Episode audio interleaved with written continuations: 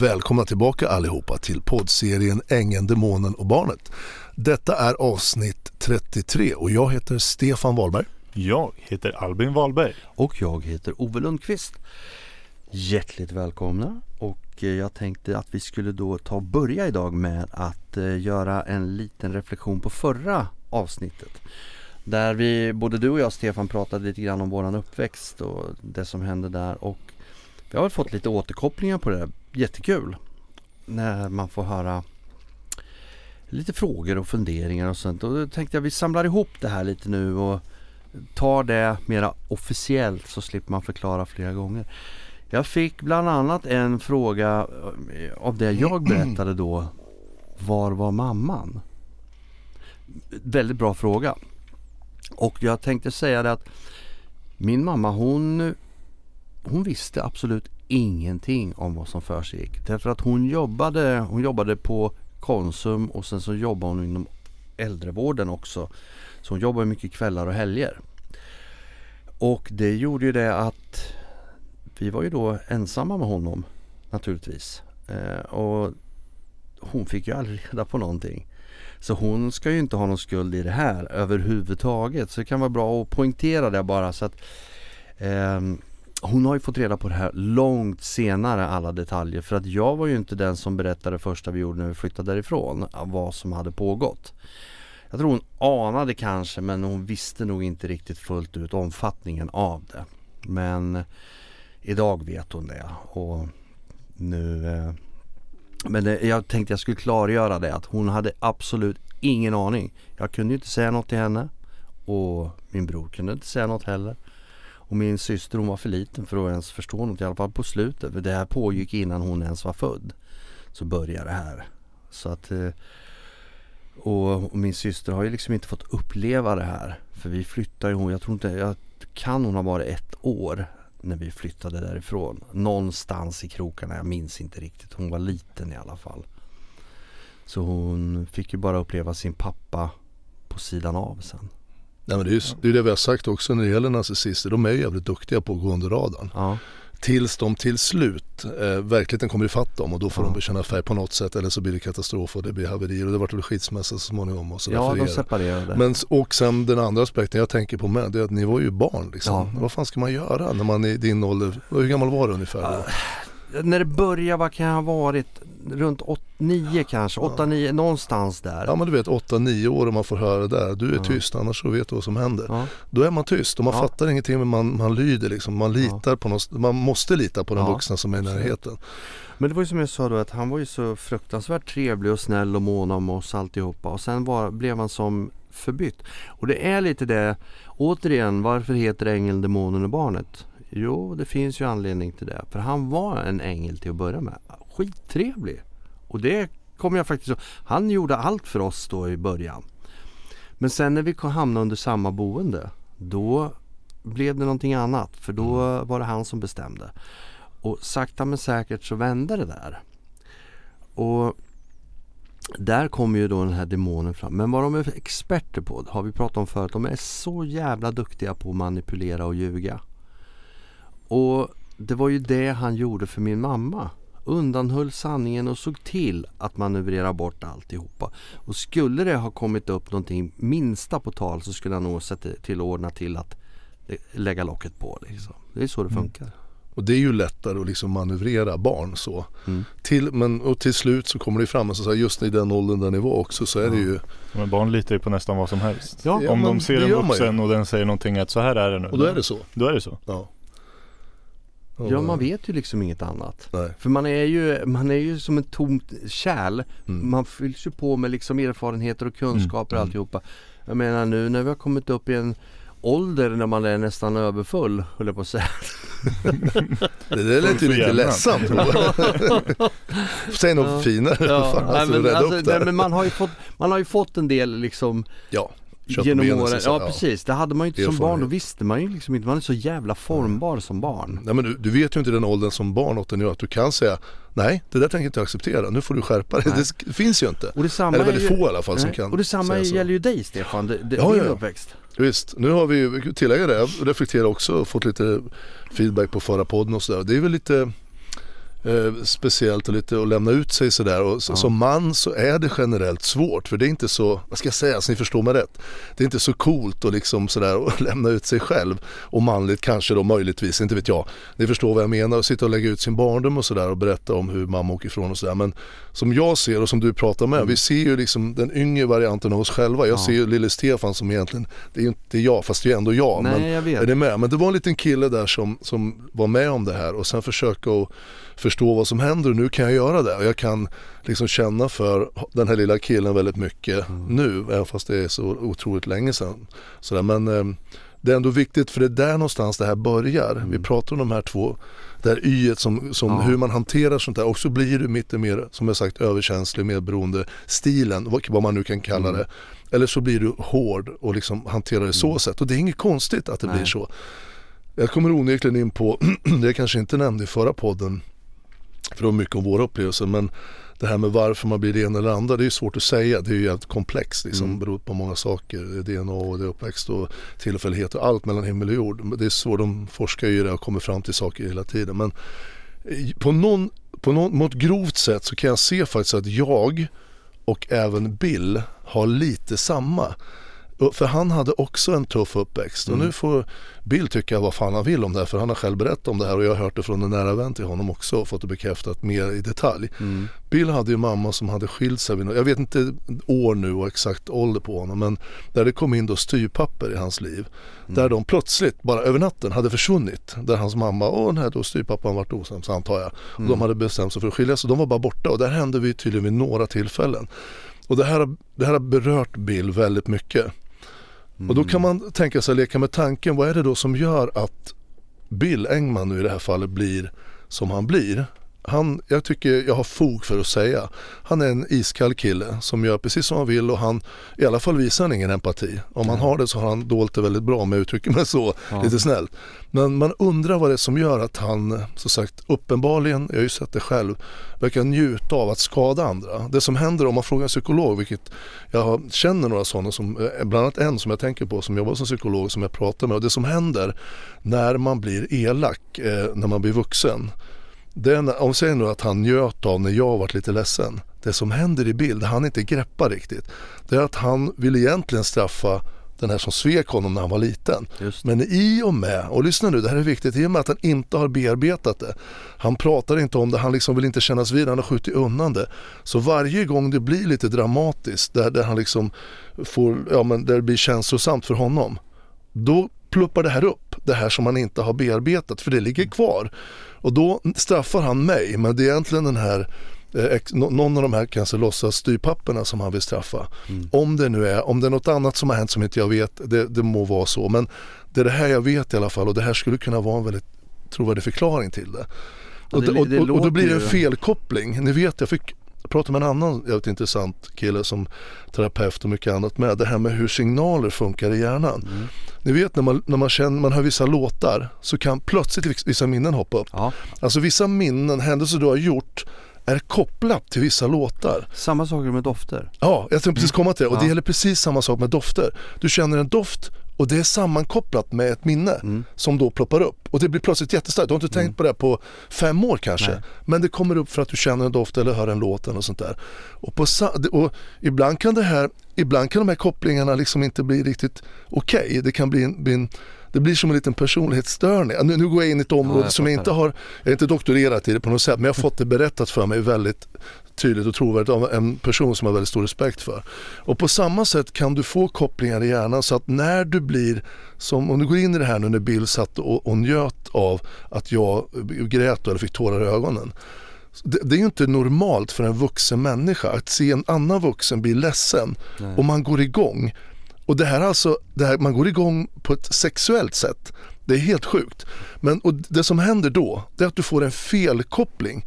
Du har någonting som i och med det här traumat när du var liten utlöser en felaktig reaktion precis på samma sätt som när du känner en doft Doft eller, eller du, du, du hör en låt till exempel, eller något annat, någon scen och kanske något vet jag. Men det här är väldigt tydligt, så ni förstår vad det är som händer. Och när Bill då eh, det händer någonting som att han besegrar mig här, vi säger det. Mm. Det har med det att göra. Då går han igång och känner njutning. Därför att han har någonting och spökar i sin barndom. Mm. Där han varit utsatt för någonting och han var- tycker han har varit med om trauma. Då kan du få den här felkopplingen. Och det här forskas det jättemycket om, det är jätteintressant. Och det går ju självklart, alltså det går ju komma, komma runt allting och bearbeta det. Men det gör de inte. Alltså, vi har sagt det tidigare, när man kommer så långt som Bill Engman har gjort så, så går det inte. Men det här är ju en personlighetsstörning Mm. om vi utgår från att det, det jag pratar om nu. Sen hur det passar in på, Bill eller inte, det får andra eh, avgöra helt och hållet. Jag har min åsikt om det därför att jag har sett det själv. Och, och det är intressant hur det kan bli en sån här automatisk koppling till något annat när man är med om någonting. Är ni med? För, för det normala det är ju inte att man liksom går igång på ett sexuellt sätt. Alltså, Men pratar vi alltså sexuell eller mer upphetsning som koncept som blir ja, snarlik en sexuell upphetsning fast det är mer själva eh, motsvarande kroppslig reaktion typ som att vara upphetsad och, eller där, exalterad och nervös får ju samma eh, fysiska Ja, attribut i kroppen. Ja, Precis, Eller- det finns andra, han nämnde några exempel. Så här, till exempel när det är, jag, jag nämnde faktiskt för honom när vi pratade om det, jag nämnde på, jag var på en begravning en gång, jag hade precis börjat lumpen, jag var 19 år och ett av våra befäl hade förolyckats i en, en, en, en olycka och jag och en annan här som var beväringar då, vi var, gjorde lumpen där, skulle dit och representera liksom regementet. Ja. Eh, Vi hade honom som befäl och sådär. Och när jag kommer in dit i kyrkan, jättesorgligt, jag känner jättestark sorg. Så börjar jag liksom, alltså du vet det kommer en fnissreaktion. Ja. Och jag tänker själv, vad i hela jävla friden är det här? Ja, Jag var ju ledsen. Ja. Och alltså jättesorgligt, det var så sorgligt Mm. så att det var inte klokt. Det var en man i sina bästa år, liksom, vad kan han ha varit, 40 år kanske någonstans. 40-45 år, Nå- någonstans där, 35-40. Men, och, och jätteomtyckt, jätte, alltså det var jättesorgligt. Men jag fick någon automatisk så här, liten fniss och, och det Mm. höll i en stund. Och då sa han, det här kan bli, det är en sån här typiskt också felkoppling Mm. på, på ett annat sätt sådär. Men, men ändå att man kan liksom, det kan, vissa saker kan lösa ut andra saker. Är ni med på vad jag menar? Ja. Jo men Och- det, är- det är ju en eh, mekanism i kroppen att Ja. hantera saker och börja när man får dramatiska nyheter eller med de dramatiska börja liksom skratta, fnissa. Precis. Men, Och men man i- lägger liksom i samma område lite grann. Som Ja. att det kan bli, det utlöser något som är Mm. inte alls logiskt. Nej. Eh, och det, det finns ju starka likheter. Det är, det är uppenbara jättestarka likheter mellan det, din upplevelse där och det du upplevde kanske med Bill i kyrkan när Magnus gick bort där. Att han, Ja, du upplevde att han absolut. stod och log. absolut. Eh, Så kan det vara. Vi, vi har hört från alla håll att eh, Bill var bedrövad och det, Mm. det är ju det man kan förvänta sig. Jag menar, det får man väl utgå ifrån att han var, Eh, såklart. så, ja. det skulle kunna varit någon samma grej där att han Visst kan det vara så, Ja. absolut. Och det, det, låter, det är ju väldigt likt. Jag menar, det är som precis gått samma grej. Så, så att liksom, ehm, och nu, jag tyckte det var extremt jobbigt. Det var säkert under 15-20 sekunder och sen så kunde jag liksom komma över det. Men, mm. men ibland så liksom associerar hjärnan saker och ting, vissa starka känslor med någonting annat sådär. Mm. Eh, och jag, jag, man kan säkert, nu tycker jag att det här kanske låter lite, man borde gå in djupare i det så här, men, men det, det finns ett sätt där sånt här händer, där det blir felkopplingar. Och i Bills fall så blir det ju, får det ju jävligt allvarliga konsekvenser. I mitt fall så var det med att jag tyckte det var otroligt pinsamt Mm. att få en fnissattack och jag kvävde det och sen så var det bra sen. Men, men som sagt, det kan ju få väldigt allvarliga konse- konsekvenser om man blir upphetsad av att någon far illa. Mm. Och någon, alltså det, det, är ju, det är ju extremt märkligt och jävligt otäck reaktion tycker jag. Men jag tänker liksom det här, vi har, vi har ju pratat om det här med den här typen av personer som är eh, narcissister som vi vi brukar säga att de kan vara farliga på, på olika sätt. Och det är ju en ganska allvarlig personlighetsstörning för att det drabbar väldigt många. Men de har ju många saker gemensamt. Och det är väl det vi kommer komma över på nu och Mm. prata om. De här äh, gemensamma nämnarna. För att om man tittar runt om i världen på galenpannor som finns så har de gemensamma nämnare och vi pratar ju även om filmer som, eh, alltså där man har gestaltat de här personerna som kanske är historiskt korrekta.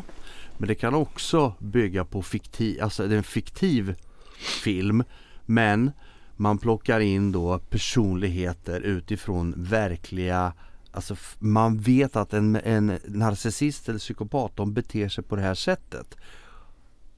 Och vi har ju några exempel. Ja men alltså det är ju, eh, ska man försöka förstå vad som händer, jag tror att i princip alla som lyssnar på den här podden, inklusive vi, alltså man blir lite förundrad över hur, vad den här liksom elakheten som är väldigt, den är väldigt tydlig. Mm. Eh, och man, man kan se faktiskt när är man mera, tittar sig jag skulle runt. vilja säga ondska Ja, faktiskt. Det är ett bättre ondska. ord. Ondska, det är ett bättre ord. Sen om det är, kan man dividera om om det är en ondska som finns i en själv som ploppar upp med ett val man gör eller om den kommer utifrån. Det, det har vi inte en aning om, Nej. det kan man spekulera i. Men det är en väldigt tydlig ondska när man vill, när man vill illa. Mm. Och man, man har inga problem med om det skulle hända saker, någon blir sjuk, man blir nästan glad för det eller någon går bort. Mm. Och det kan vara till och med nöjsamt, alltså man, man upplever en tillfredsställelse i det, att besegra någon. Det finns ingen gräns för, för liksom var, vart, var gränserna går eh, överhuvudtaget. Eh, man kan ju till exempel det här med död, ja, anlita torpeder och så vidare. Det finns inga gränser för vad man kan göra. Och tittar man runt omkring, vi kan ta bara den värld vi lever i nu. Kolla eh, Putin till exempel. Mm. Eh, Bill Engman är ju inte Putin, men titta på vad han gör för någonting, Putin. För det första så har han ju en väldigt nära staff runt sig själv Ja. som han litar blint på. Och den här lilla staffen, den, den liksom likt Bill, han har en väldigt nära grupp som han litar blint på. Han är väldigt vaksam dock, Ja. men han, han litar på dem. Och precis som Putin så, så ser han till att alla de här har det bra. Ekonomiskt och bra, de har det bra. Och de gör saker åt honom hela tiden. Hemska saker som gör att de, han liksom, de blir bundna till honom. Så liksom gör man, ja, man pratar ju om partners in crime och sådär. Ja.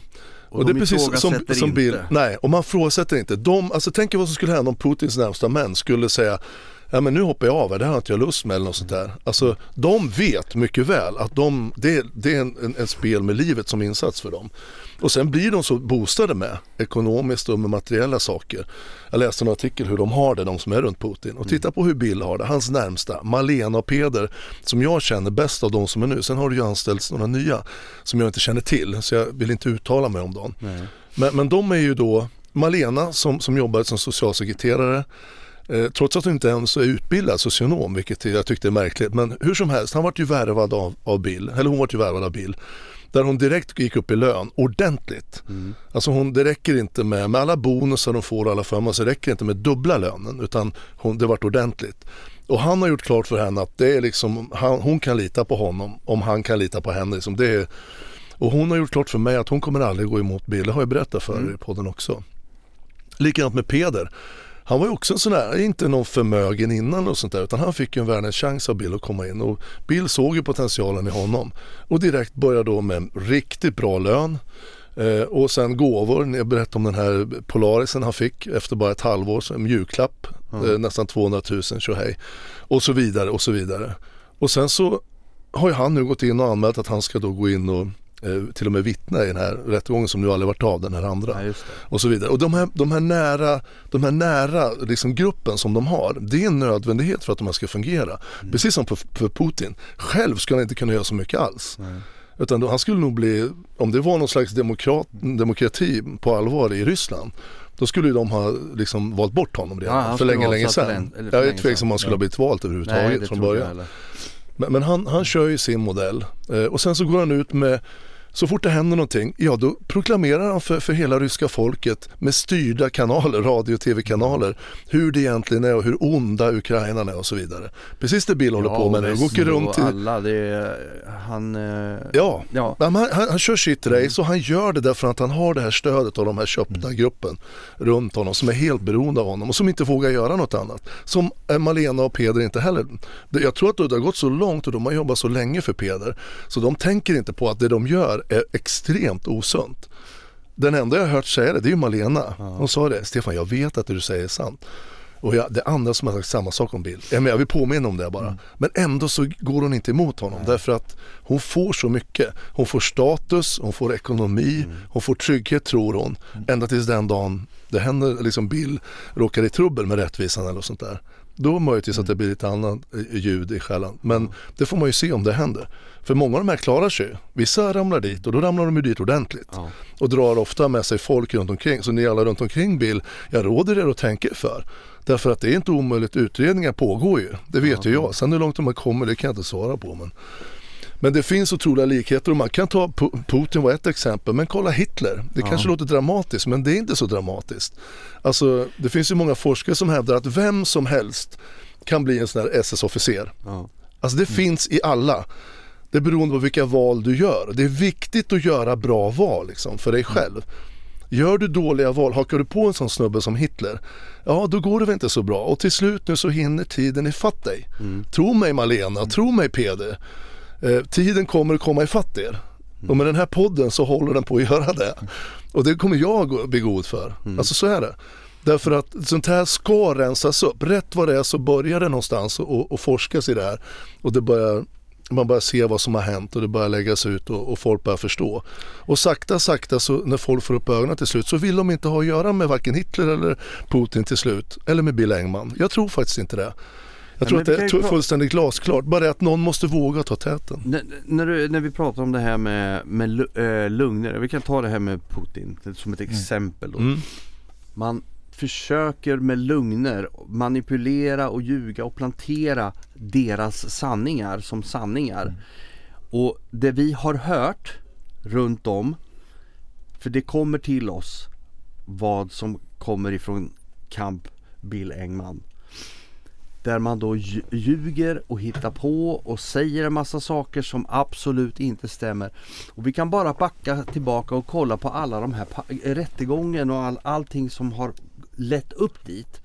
Där det finns saker som bevisar att det är, det är lugner och på ganska mycket grejer. Mm. Och det här gör ju att folk som får de här lugnerna till sig börjar ju faktiskt ha andra kanaler och lyssna på och säger och börja omvärdera det här. Och då blir ju inte de här lugnerna värda så mycket. I Ryssland där har de ju inte så att de kan ta till, ta till sig utifrån och få granska någon annan form av sanning. De har ju det de har där. Visst, vissa kan komma ut och få tag på det men sätter man sig emot så går det oftast illa för dem i Ryssland. Nu ska vi inte jämföra Putin med Engman men det är alltså metodiken är fortfarande densamma. Gru- det som är Strategin är strategin liksom, är densamma. absolut samma.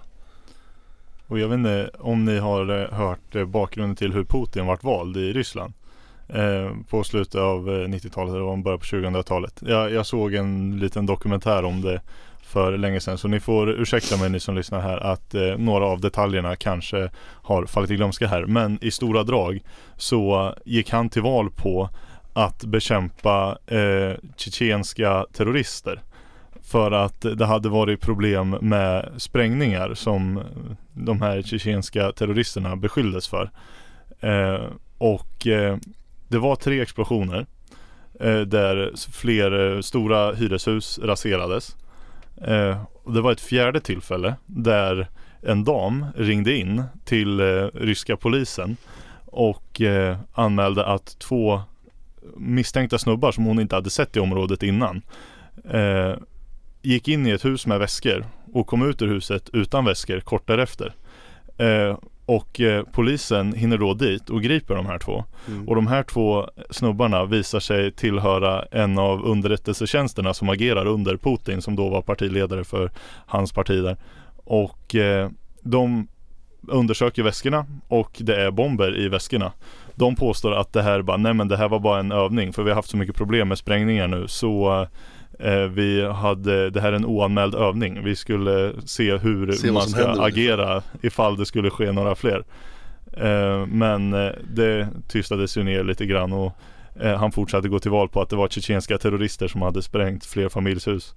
Eh, och ja, hur många som helst hade dött i, på kuppen. Och Det man kan utgå från det Han vann. det här- det skulle bli ett fjärde attentat av inom citationstecken ja, tjetjenska terrorister. Eh, och eh, han vann ju eh, ryska folkets förtroende på den här kampanjen. Och eh, hur vi jämför det med Bill Engman, det är lite oklart. Men eh, Ja, nej, men jag, jag, kan, jag kan ta det, den. det, Ja, men jag, jag, jag förstår det. Men Ja. det. Där handlar det ju också om att bygga Bygga saker på lugner. ja, Det är det är ju precis det det egentligen handlar om. för, Precis. kortfattat. ja. Så. Vi vet ju vad han har gjort med dig här. Men jag Nyttjat- vet verkligen. Ja, nej, nej, jag har men, upplevt ja. i egen, Nej men egen eh, person. nyttjat din kompetens och din eh, och för att inte ge så mycket tillbaka här. Eh, Ja, men och så är det ju. Och sen sitter man ju, jag som sagt, jag vet ju eftersom jag har suttit och gjort alla avtal med honom.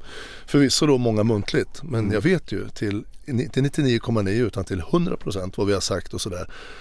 Eh, och så sitter han i rätten och även efter och påstår att det stämmer inte alls och så lägger på massor med, med vidriga lögner. Alltså den här mannen, Bill Engman, han har ju barn själv eh, och kanske anhöriga. Möjligtvis får man hoppas att han har människor han bryr sig om någonstans också. Och eh, att sitta och göra så med en man som ändå har liksom, jag la ju hela mitt liv i Mm. både hans och Evas händer på något sätt som ni förstår vad jag menar. Eftersom jag litar så mycket på dem och sen körde vi järnet. Och jag var en stor anledning till i alla fall, en stor, stor liksom grund till att guldkornet vart så bra som det vart i början där. Vi var ju tre i och för sig som drev det. Men sen sitter man då bara och manipulerar och det är den här manipulationen som är gemensamt. Och man, de, är, de är bra på det. Bill Engman är inte dum i huvudet, han är inte ointelligent. Det är kanske bättre ord att använda, dum i huvudet det kan man ju definiera på olika sätt. Men alltså Ja. han är ju inte ointelligent på något Nej. sätt. Han, Han han är gör ju det här bra jävligt... affärsman rent om man kollar på pappret. Jag Ja. menar man är inte dum om man har tjänat så mycket pengar. Nej, nej han för fan. Han är alltså rent som en iskall affärsman så är han ju superbra. Ja, Det är han ju verkligen. För han har ju Mm. Bevisligen tjänat massa pengar. Mm. Ja, det kan man inte komma ifrån. Och det kan man inte ta ifrån den heller. Sen baksidan på den finns ju, eh, den ju, har jag sett därför att det är ju resurser som sådana som faktiskt är riktigt jävla illa ute i livet. Som vi på demokratiskt sätt har bestämt att vi staten ska, med skattepengar ska hjälpa till. Mm. De ska få de här resurserna, det är ordentliga resurser för att de ska komma tillbaka. Där sitter ju Billy och skalar av hälften ungefär så att de som driver hemmet får det knappt ibland att gå ihop överhuvudtaget. Nu lyckas jag då i våran förhandlingar få med honom i ett delägarskap som, som gynnade mig och Eva rätt ordentligt. Och det var väl bra så långt men som sagt eh, så han, han skalar ju av så mycket pengar och den rikedom han har idag beroende på hur man nu räknar minst 200-300 miljoner kronor förfogar han över på, i bolagen och även privat. Som sagt, jag vill påminna om 17. 2017 plockade han ut själv 48 miljoner i aktieutdelning ett år. Bara så att ni, och, det är av de här skattepengar som, som han har skummat av från klientpengar. Och för mig är det inte okej, det är fan för mycket liksom. Speciellt när jag ser hur dåligt hemmen är skötta, hur lite resurser det liksom Eh, han skulle kunna tjäna jättemycket pengar ändå. Men det är grunden till varför vi liksom, en av grunderna till varför vi pratar om det här. Det finns en bakgrund. Annars att vara bra affärsman, det kan man ju inte säga någonting om. Tjäna pengar är inget fel. Det är ju det som, alltså marknaden styr ju väldigt mycket. Det tar fram mycket innovativa det uppfinningar och nya idéer som kommer fram och, människor som drivs av att få lönsamhet i sitt företag såklart. Alltså det, det har jag ingenting alls emot. Det finns bara att det finns olika sätt att, att få in de här pengarna. Mm. Så är det ju. Ehm, nej, men man, kan, man kan ju fördjupa sig i det här men som sagt eh, jag kan ge lite uppdateringar. ehm, kan jag göra. Jag, Ja. jag, vi har ju fått som sagt, det ringer ju, hör av sig folk vilket vi alltså jag kan inte säga det tillräckligt mycket. Jag vet att vi säger det i varje avsnitt nu har gjort eh, ett antal gånger här men jag är så glad för att ni hör av er, att ni vågar, att ni vill och det är i 100% förtroende tills ni säger något annat. Och det blir bara Återigen. fler och fler. Ja, det blir det liksom. Det, det, det är jätteintressant för ni vet ju ni som lyssnar, vi har ju ett stort gäng trogna lyssnare och det kommer till fler hela tiden. Jättekul. Eh, Jag är jättetacksam och vi på, Ja. på redaktionen är jättetacksamma för att ni lämnar uppgifter för då kan vi fortsätta lägga vårt pussel här och komma till bukt med det. För det finns ju en, en det finns några olika anledningar till varför vi gör det men en anledning är att Bill har ju mina pengar, det är en anledning. och därför så är jag intresserad av att följa honom nu och sen så eh, exponera honom på alla sätt jag kan. Men jag kommer inte göra det med information som jag fått av er som lyssnar utan att ni tycker att det är okej. Ja. Ni kommer att få höra från, framåt nu, troligtvis nästa podd om en vecka så kommer vi ha en gäst. Sen kommer det in, komma in några gäster, modiga gäster som kommer att komma vara med oss här och berätta eh, inte, väldigt intressanta saker och det är också jätte, jättemodigt. För det som jag sa till någon som jag pratade med som ringde, det enda sättet att bemöta en sån här eh, kille eller man som Bill Engman, det är att, att konfronta honom och exponera honom fullt ut utan att, att liksom eh, vara rädd. För att man behöver inte vara rädd för honom för det är när man visar rädsla, det är då han blir stark. Tänk på det när alla ni som lyssnar. Är ni försiktiga, är ni rädda för honom och visa så han förstår att ni är rädda, då kommer han bli starkare bara. De lever på det. Ja men de lever verkligen på det. Men som sagt, vi har, vi har fått lite information och lite måste vi ju datera upp er med sånt som vi har vi får nämna. Jag, jag hörde lite mer om guldkornet, lite så här, lite ledsamma nyheter bara för min egen del, affärsmässigt ledsamma nyheter. Det var att precis som Bill har gjort med många andra till exempel det här med Magnus frus hem som han slutade placera klienter som var tvungen jättefort att försöka göra sig av med hemmet för man har ju kostnader för ett hem. Ja. Så har han nu gjort så även mot Eva. Ja. Jag, jag, vet, jag måste säga att jag har förväntat mig någon variant på det här att det ska hända. Och det som tydligen hände nu när guldkornet vart sålt, som vi konstaterade tror jag förra eller förra, förra podden, det är att Bill slutade eh, och växenheten slutade placera klienter på guldkornet. Och där sitter då Eva, Bill han har ju sin ekonomi tryggad i massa andra bolag. Men, men för Eva var ju det här då ett, eller det bolaget som, som, som gav mest. Sen hade hon väl köpt de här fastigheterna nu bort i Värmland som jag vet inte riktigt hur det går med dem. Men, eh, så hon var väldigt, hon behövde göra sig av med bolaget väldigt snabbt. Hon hade ju fått barn här också. Så det gick för en spottstyver. Och då fanns det ju någon kille, den här Leffe, som äger Blombacka uppe i, i Värmlandsskogarna. Han och någon kollega som heter Jörgen. Tillsammans med den här tjejen som eh, Embla som, driver, som, som sköter eh, guldkornet nu för tiden.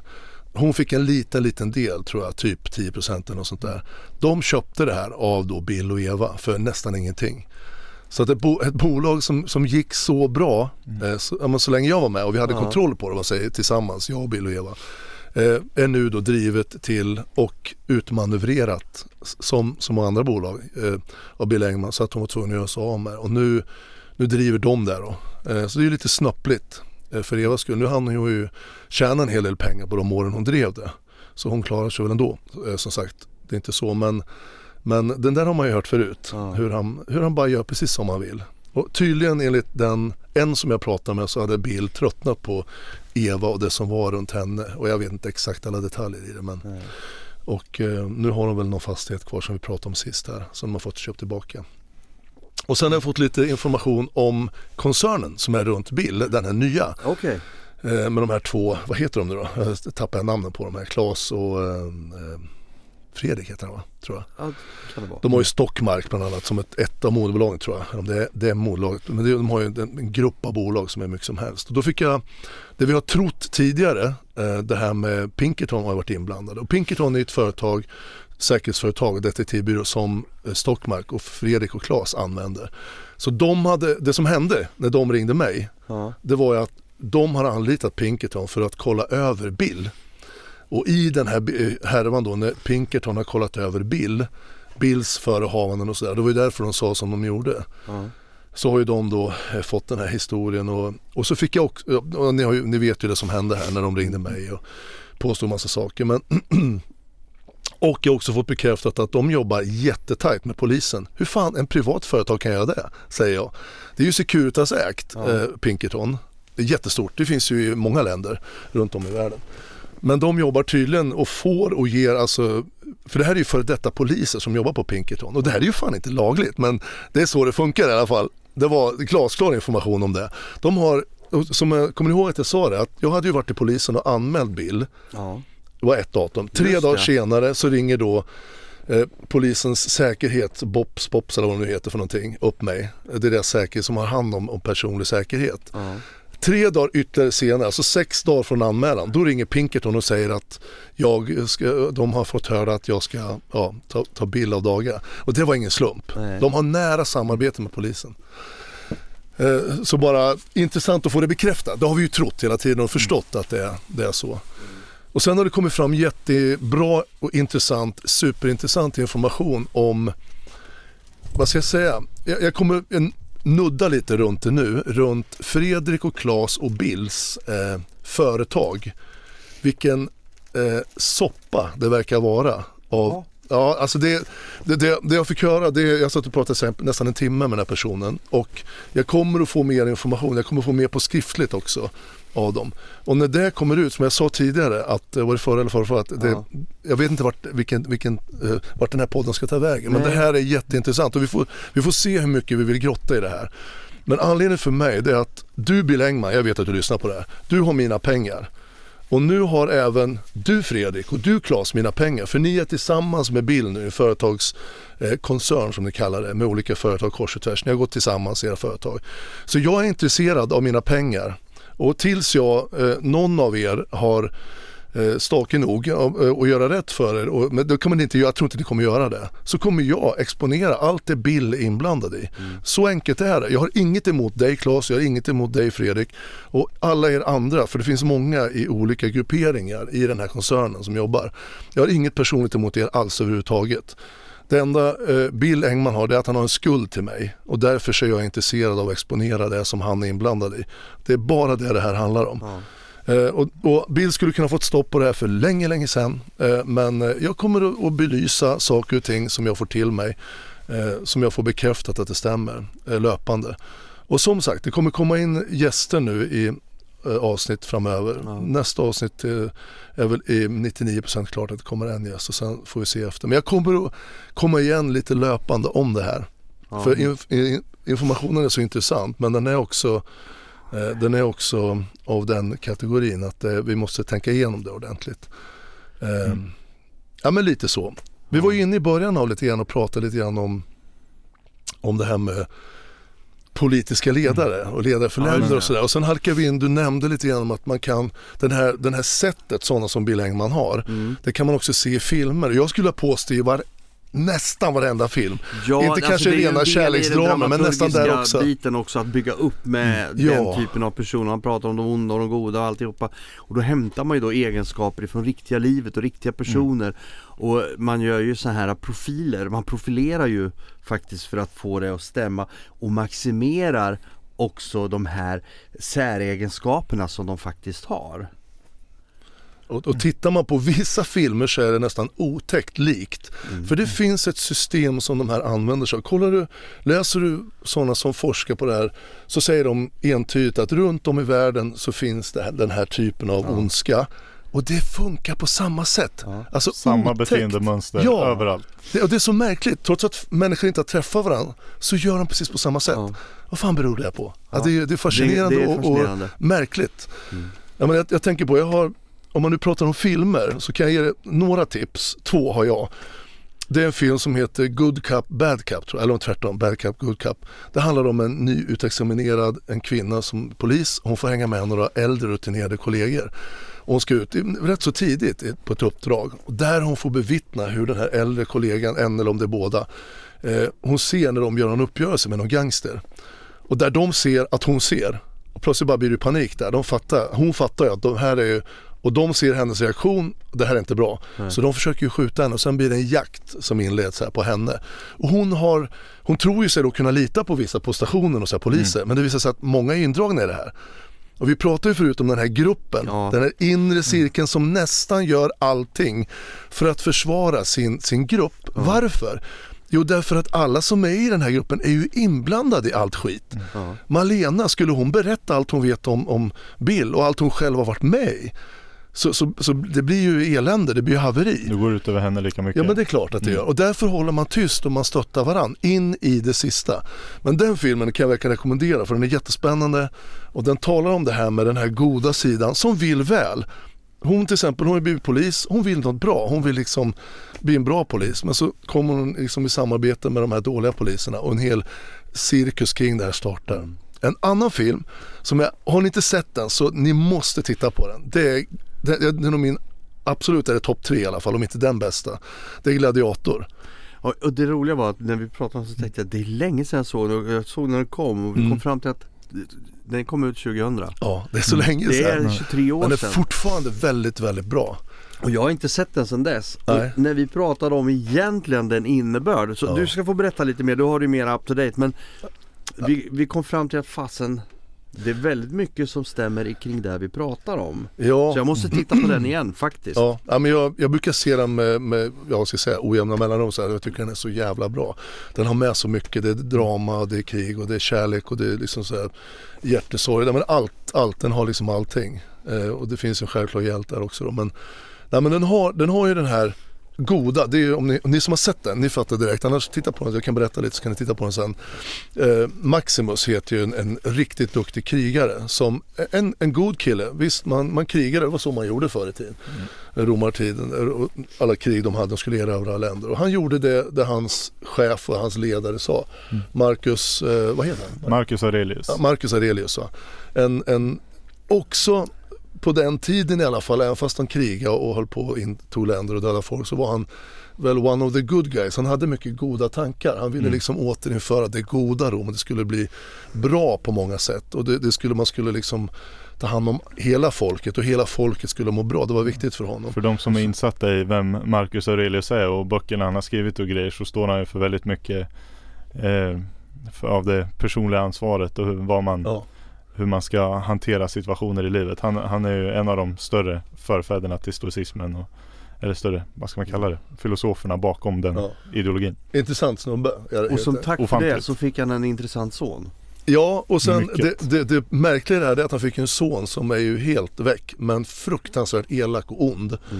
Eh, och det här har ju han noterat. Det här är Marcus Aurelius, det, han, är ju, han är ju smart och liksom eh, inser att jag kan ju inte lämna över makten till den här sonen, det går ju inte. Utan det han bestämmer sig för i den här filmen, för att inte förstöra hela, men det är att han ska ju då, han ser ju i Maximus, den här krigaren som är också en väldigt varmhjärtad, han, hans familj är det absolut viktigaste, han har, han har en fru och barn hemma och han liksom vill sträva efter något gott. Och han är också för det här att införa det här gamla Rom, goda, där, där, man, där man har det bra, man pysslar om alla på något sätt. Som jag brukar säga, när man månar om alla och alla ska kunna ha det bra liksom. Att Det humana perspektivet, mänskligheten. Så han, inom bara en liten kort stund här, så, så får då den här sonen som är girig, elak och, och väldigt självisk får ju reda på att pappan kommer istället för att utse sonen till kejsare så kommer han utse Maximus till kejsare. Vad händer då? Vad gör han då? Anlitar han torpeder? Nästan.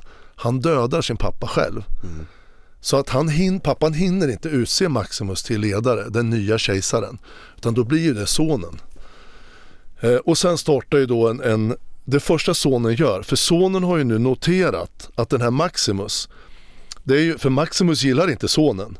För Mac- eh, sonen försökte då innan han hade hjälpt pappa, eller strax efter, så försökte han binda till sig Maximus. För Maximus var ju populär av folket. En god man, stark man.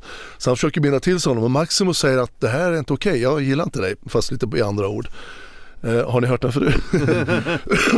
jag tror jag sa det till Bill med att det här är en sjuk kille, jag ska hålla distans till honom.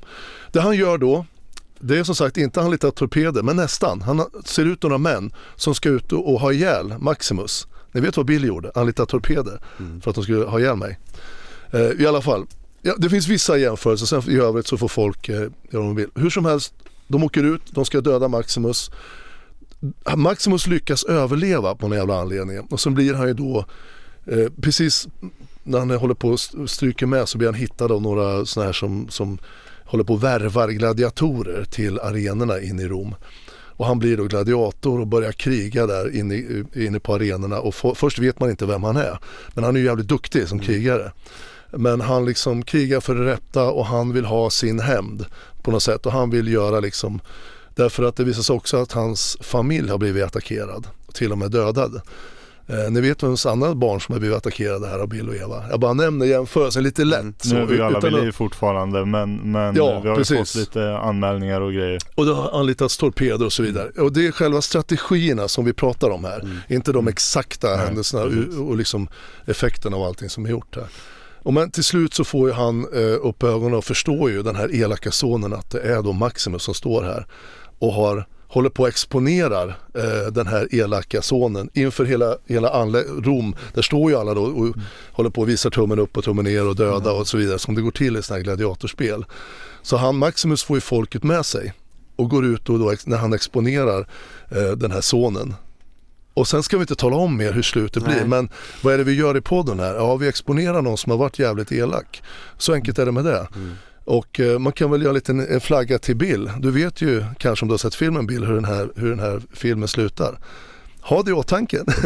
det är absolut inget hot, säg inte att det är det för det är det inte. Utan det är bara en intressant eh, betraktelse att titta på den här filmen. För det finns väldigt många likheter i de strategierna som de här människorna använder. Och jag vill på största allvar liksom be lyssna ni och, och liksom lyssna på det som vi har sagt nu och det som det, som det här står för.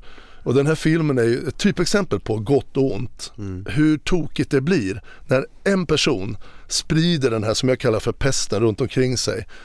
Och den här sonen, elaka sonen, han har ju han har ju de här, vad heter det, inte styrelse, vad heter det här gänget som är Jag vet inte vad termen är i romarriket. Ja, romarriket. Nej. Det finns en stor grupp Ja. med så här förståsigpåare som, som jobbar tillsammans med kejsaren där.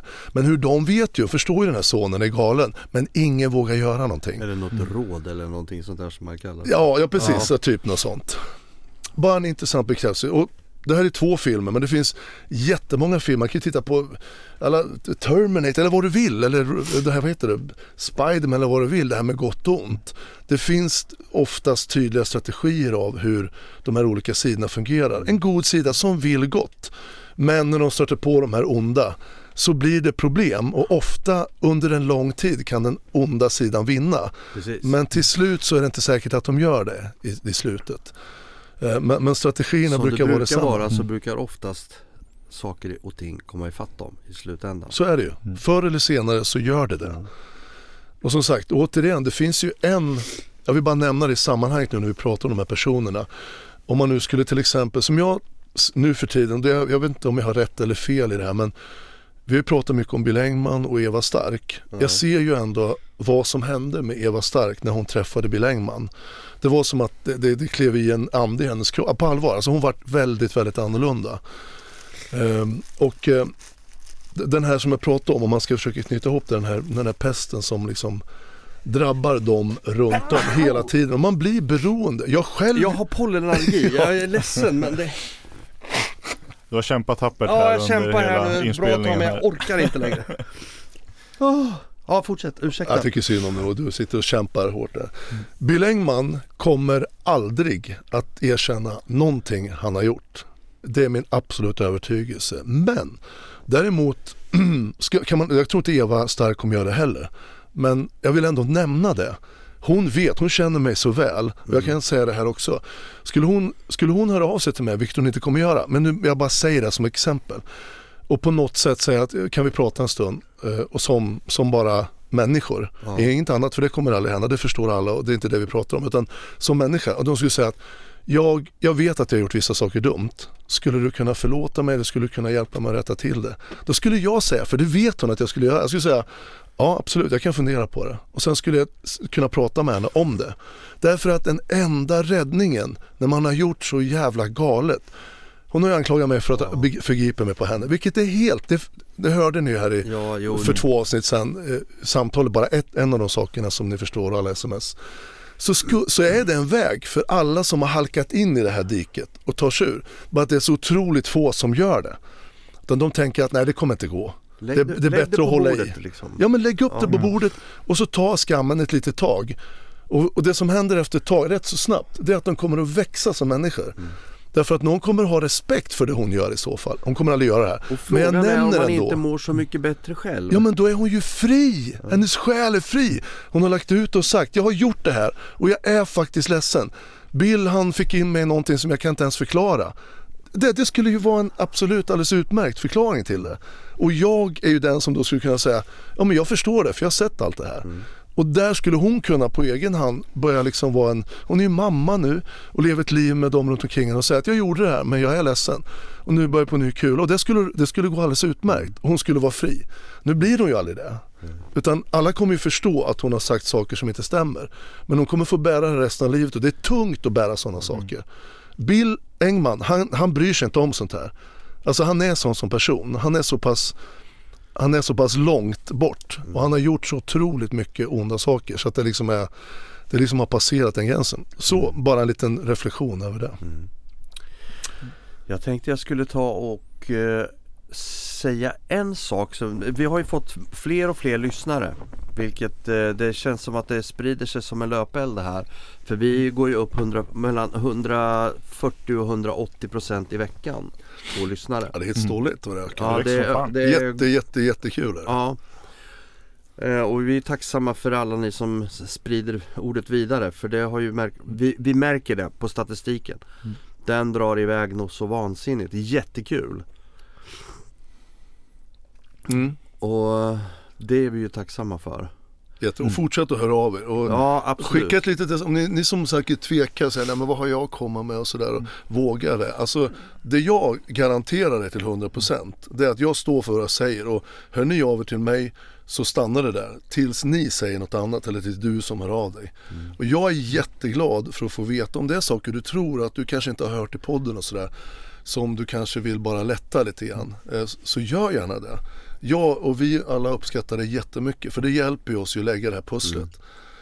För vi är ju på rulle här och vi kommer att liksom ta fram mer och mer så. Vi har liksom ett antal poddar nu planerade här men Jag, jag har tänkt på en grej sista tiden. Det, våran podd den börjar gå från att vara eh, vi, grundtanken som var att berätta din historia här, vad du har varit med om.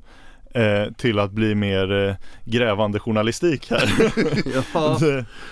Du Stefan här har börjat snart ha mer än frillan gemensamt med Aschberg här.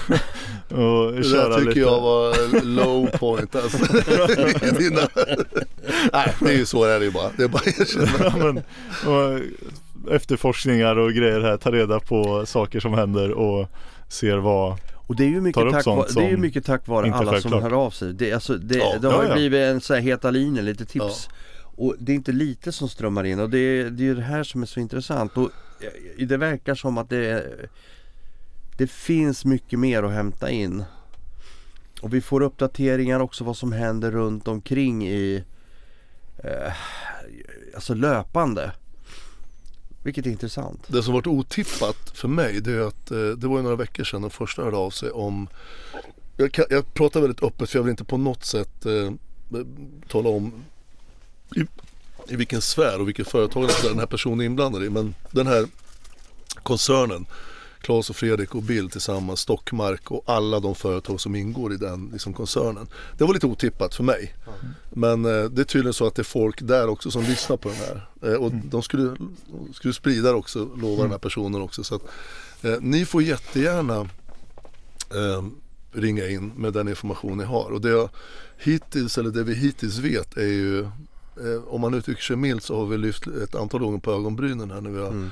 fått den informationen. Men det, det är liksom, och så får vi fundera på hur mycket av den, för det är ju en stor, liksom, em, stor grupp med företag och väldigt många människor som är involverade i det här. Ja för en del saker blir ju irrelevant i, det, i helheten. Ja. Alltså, utav, alltså det är ju vissa saker och det har, har inte med saken att göra men det är ändå som du säger intressant. Ja, och det, vi, vi vill inte under, alltså absolut inte meningen att vi inte ska kasta dynga på någon på något sätt eller, eller vilja någon något illa utan det finns ett tydligt mål med det här vi gör. Det har vi pratat om flera gånger. Det har att göra med Bill Engman och allt det han har.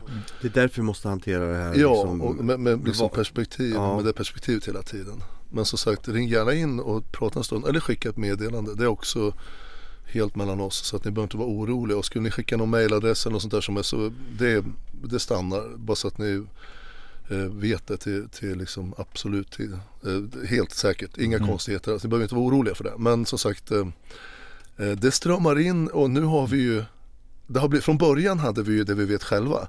Nu har vi kommit in i en sits där vi, där vi får välja vad vi ska ta med. Ja. Eh, därför att, eh, precis av de anledningarna bland annat som vi sa nu, att vi får se vad det har för relevans. Men utav de mest intressanta det är ju som, det är ju de som då också kommer vara gäster framöver. Ja. För det, är, det är jättekul faktiskt, det ser vi fram emot. Mm. För Ja, det det gör finns mycket att berätta där. Och då kommer det ju också från en, en person som inte är du. Som kommer berätta samma eller liknande historier. Och kanske säga saker som vi inte har sagt tidigare. Mm. Det vet vi inte heller. Det, vi, vi vet, för det blir ju liksom, det finns ju ingen manus på det här. Nej. Nej. Och en grej som jag eh, har tänkt på som vi pratade om att vi skulle ta upp idag det är att tidigare i podden så har vi hävdat att eh, det ska vara så att eh, eh, de här som köpte guldkornet och den här Embla som eh, är med där ska ha varit bulvaner för bolaget och inte gör någonting egentligen. Men vi har fått reda på här senare att det är ju en legitim transaktion och de driver ju faktiskt vidare eh, verksamheten i Startum-bolaget. Och den här Embla, hon verkar ju vara en eh, väldigt eh, reko person som helhjärtat driver det här hemmet. Eh, och som har fått väldigt mycket positivt från väldigt många håll berättat om sig till oss här. Precis, Eh, det är också så utav vi- den informationen vi får till oss. Ja, precis. precis. Ja, Och Så från, vi, vi från vill, olika håll dessutom. om, om vi skulle ha målat upp henne som någon form av semibandit tidigare så vill vi eh, Semibandit, rätta till det. Nej, men, att hon, hon verkar vara någon med liksom hjärta på rätt ställe som verkligen vill göra något bra. Eh, så hon ska inte ha något skit för det hon gör. Eh, för hon, eh, ja som sagt. Ja men det kan jag fylla i, verkligen. De, det, det är mer än två personer som, Ja. som inte känner varandra som har sagt det, att hon verkar vara väldigt genuin person som Mm. verkligen vill hjälpa klienter. Eh, och, och mitt mål är ju, vårt mål är absolut inte att smutskasta guldkornet som sig. Alltså själva verksamheten är ju för att hjälpa människor som har det tufft. Ja. Och den som, en av dem, hon har några personal som verkar också eh, kämpa väldigt bra, det måste man ändå säga. Eh, Embla har ju fått hon har inte, ingen av dem jag har pratat med har pratat något illa om henne. Nej. Utan tvärtom är många som har sagt att hon är väldigt genuint, hon vill verkligen hjälpa och kämpar jättebra. Så hon ska fan ha cred liksom, och det ska vi vara tydliga med. Eh, Ska vi avsluta med de fina orden? Det tycker jag. Ja, Det blir skitbra. on, on a high note. Ja. Så gör vi. Exakt. Ja, Sköt om er allihopa så hörs vi om en vecka igen. ja det gör Ha vi. så bra. Ja. Tack, Hej. Hej.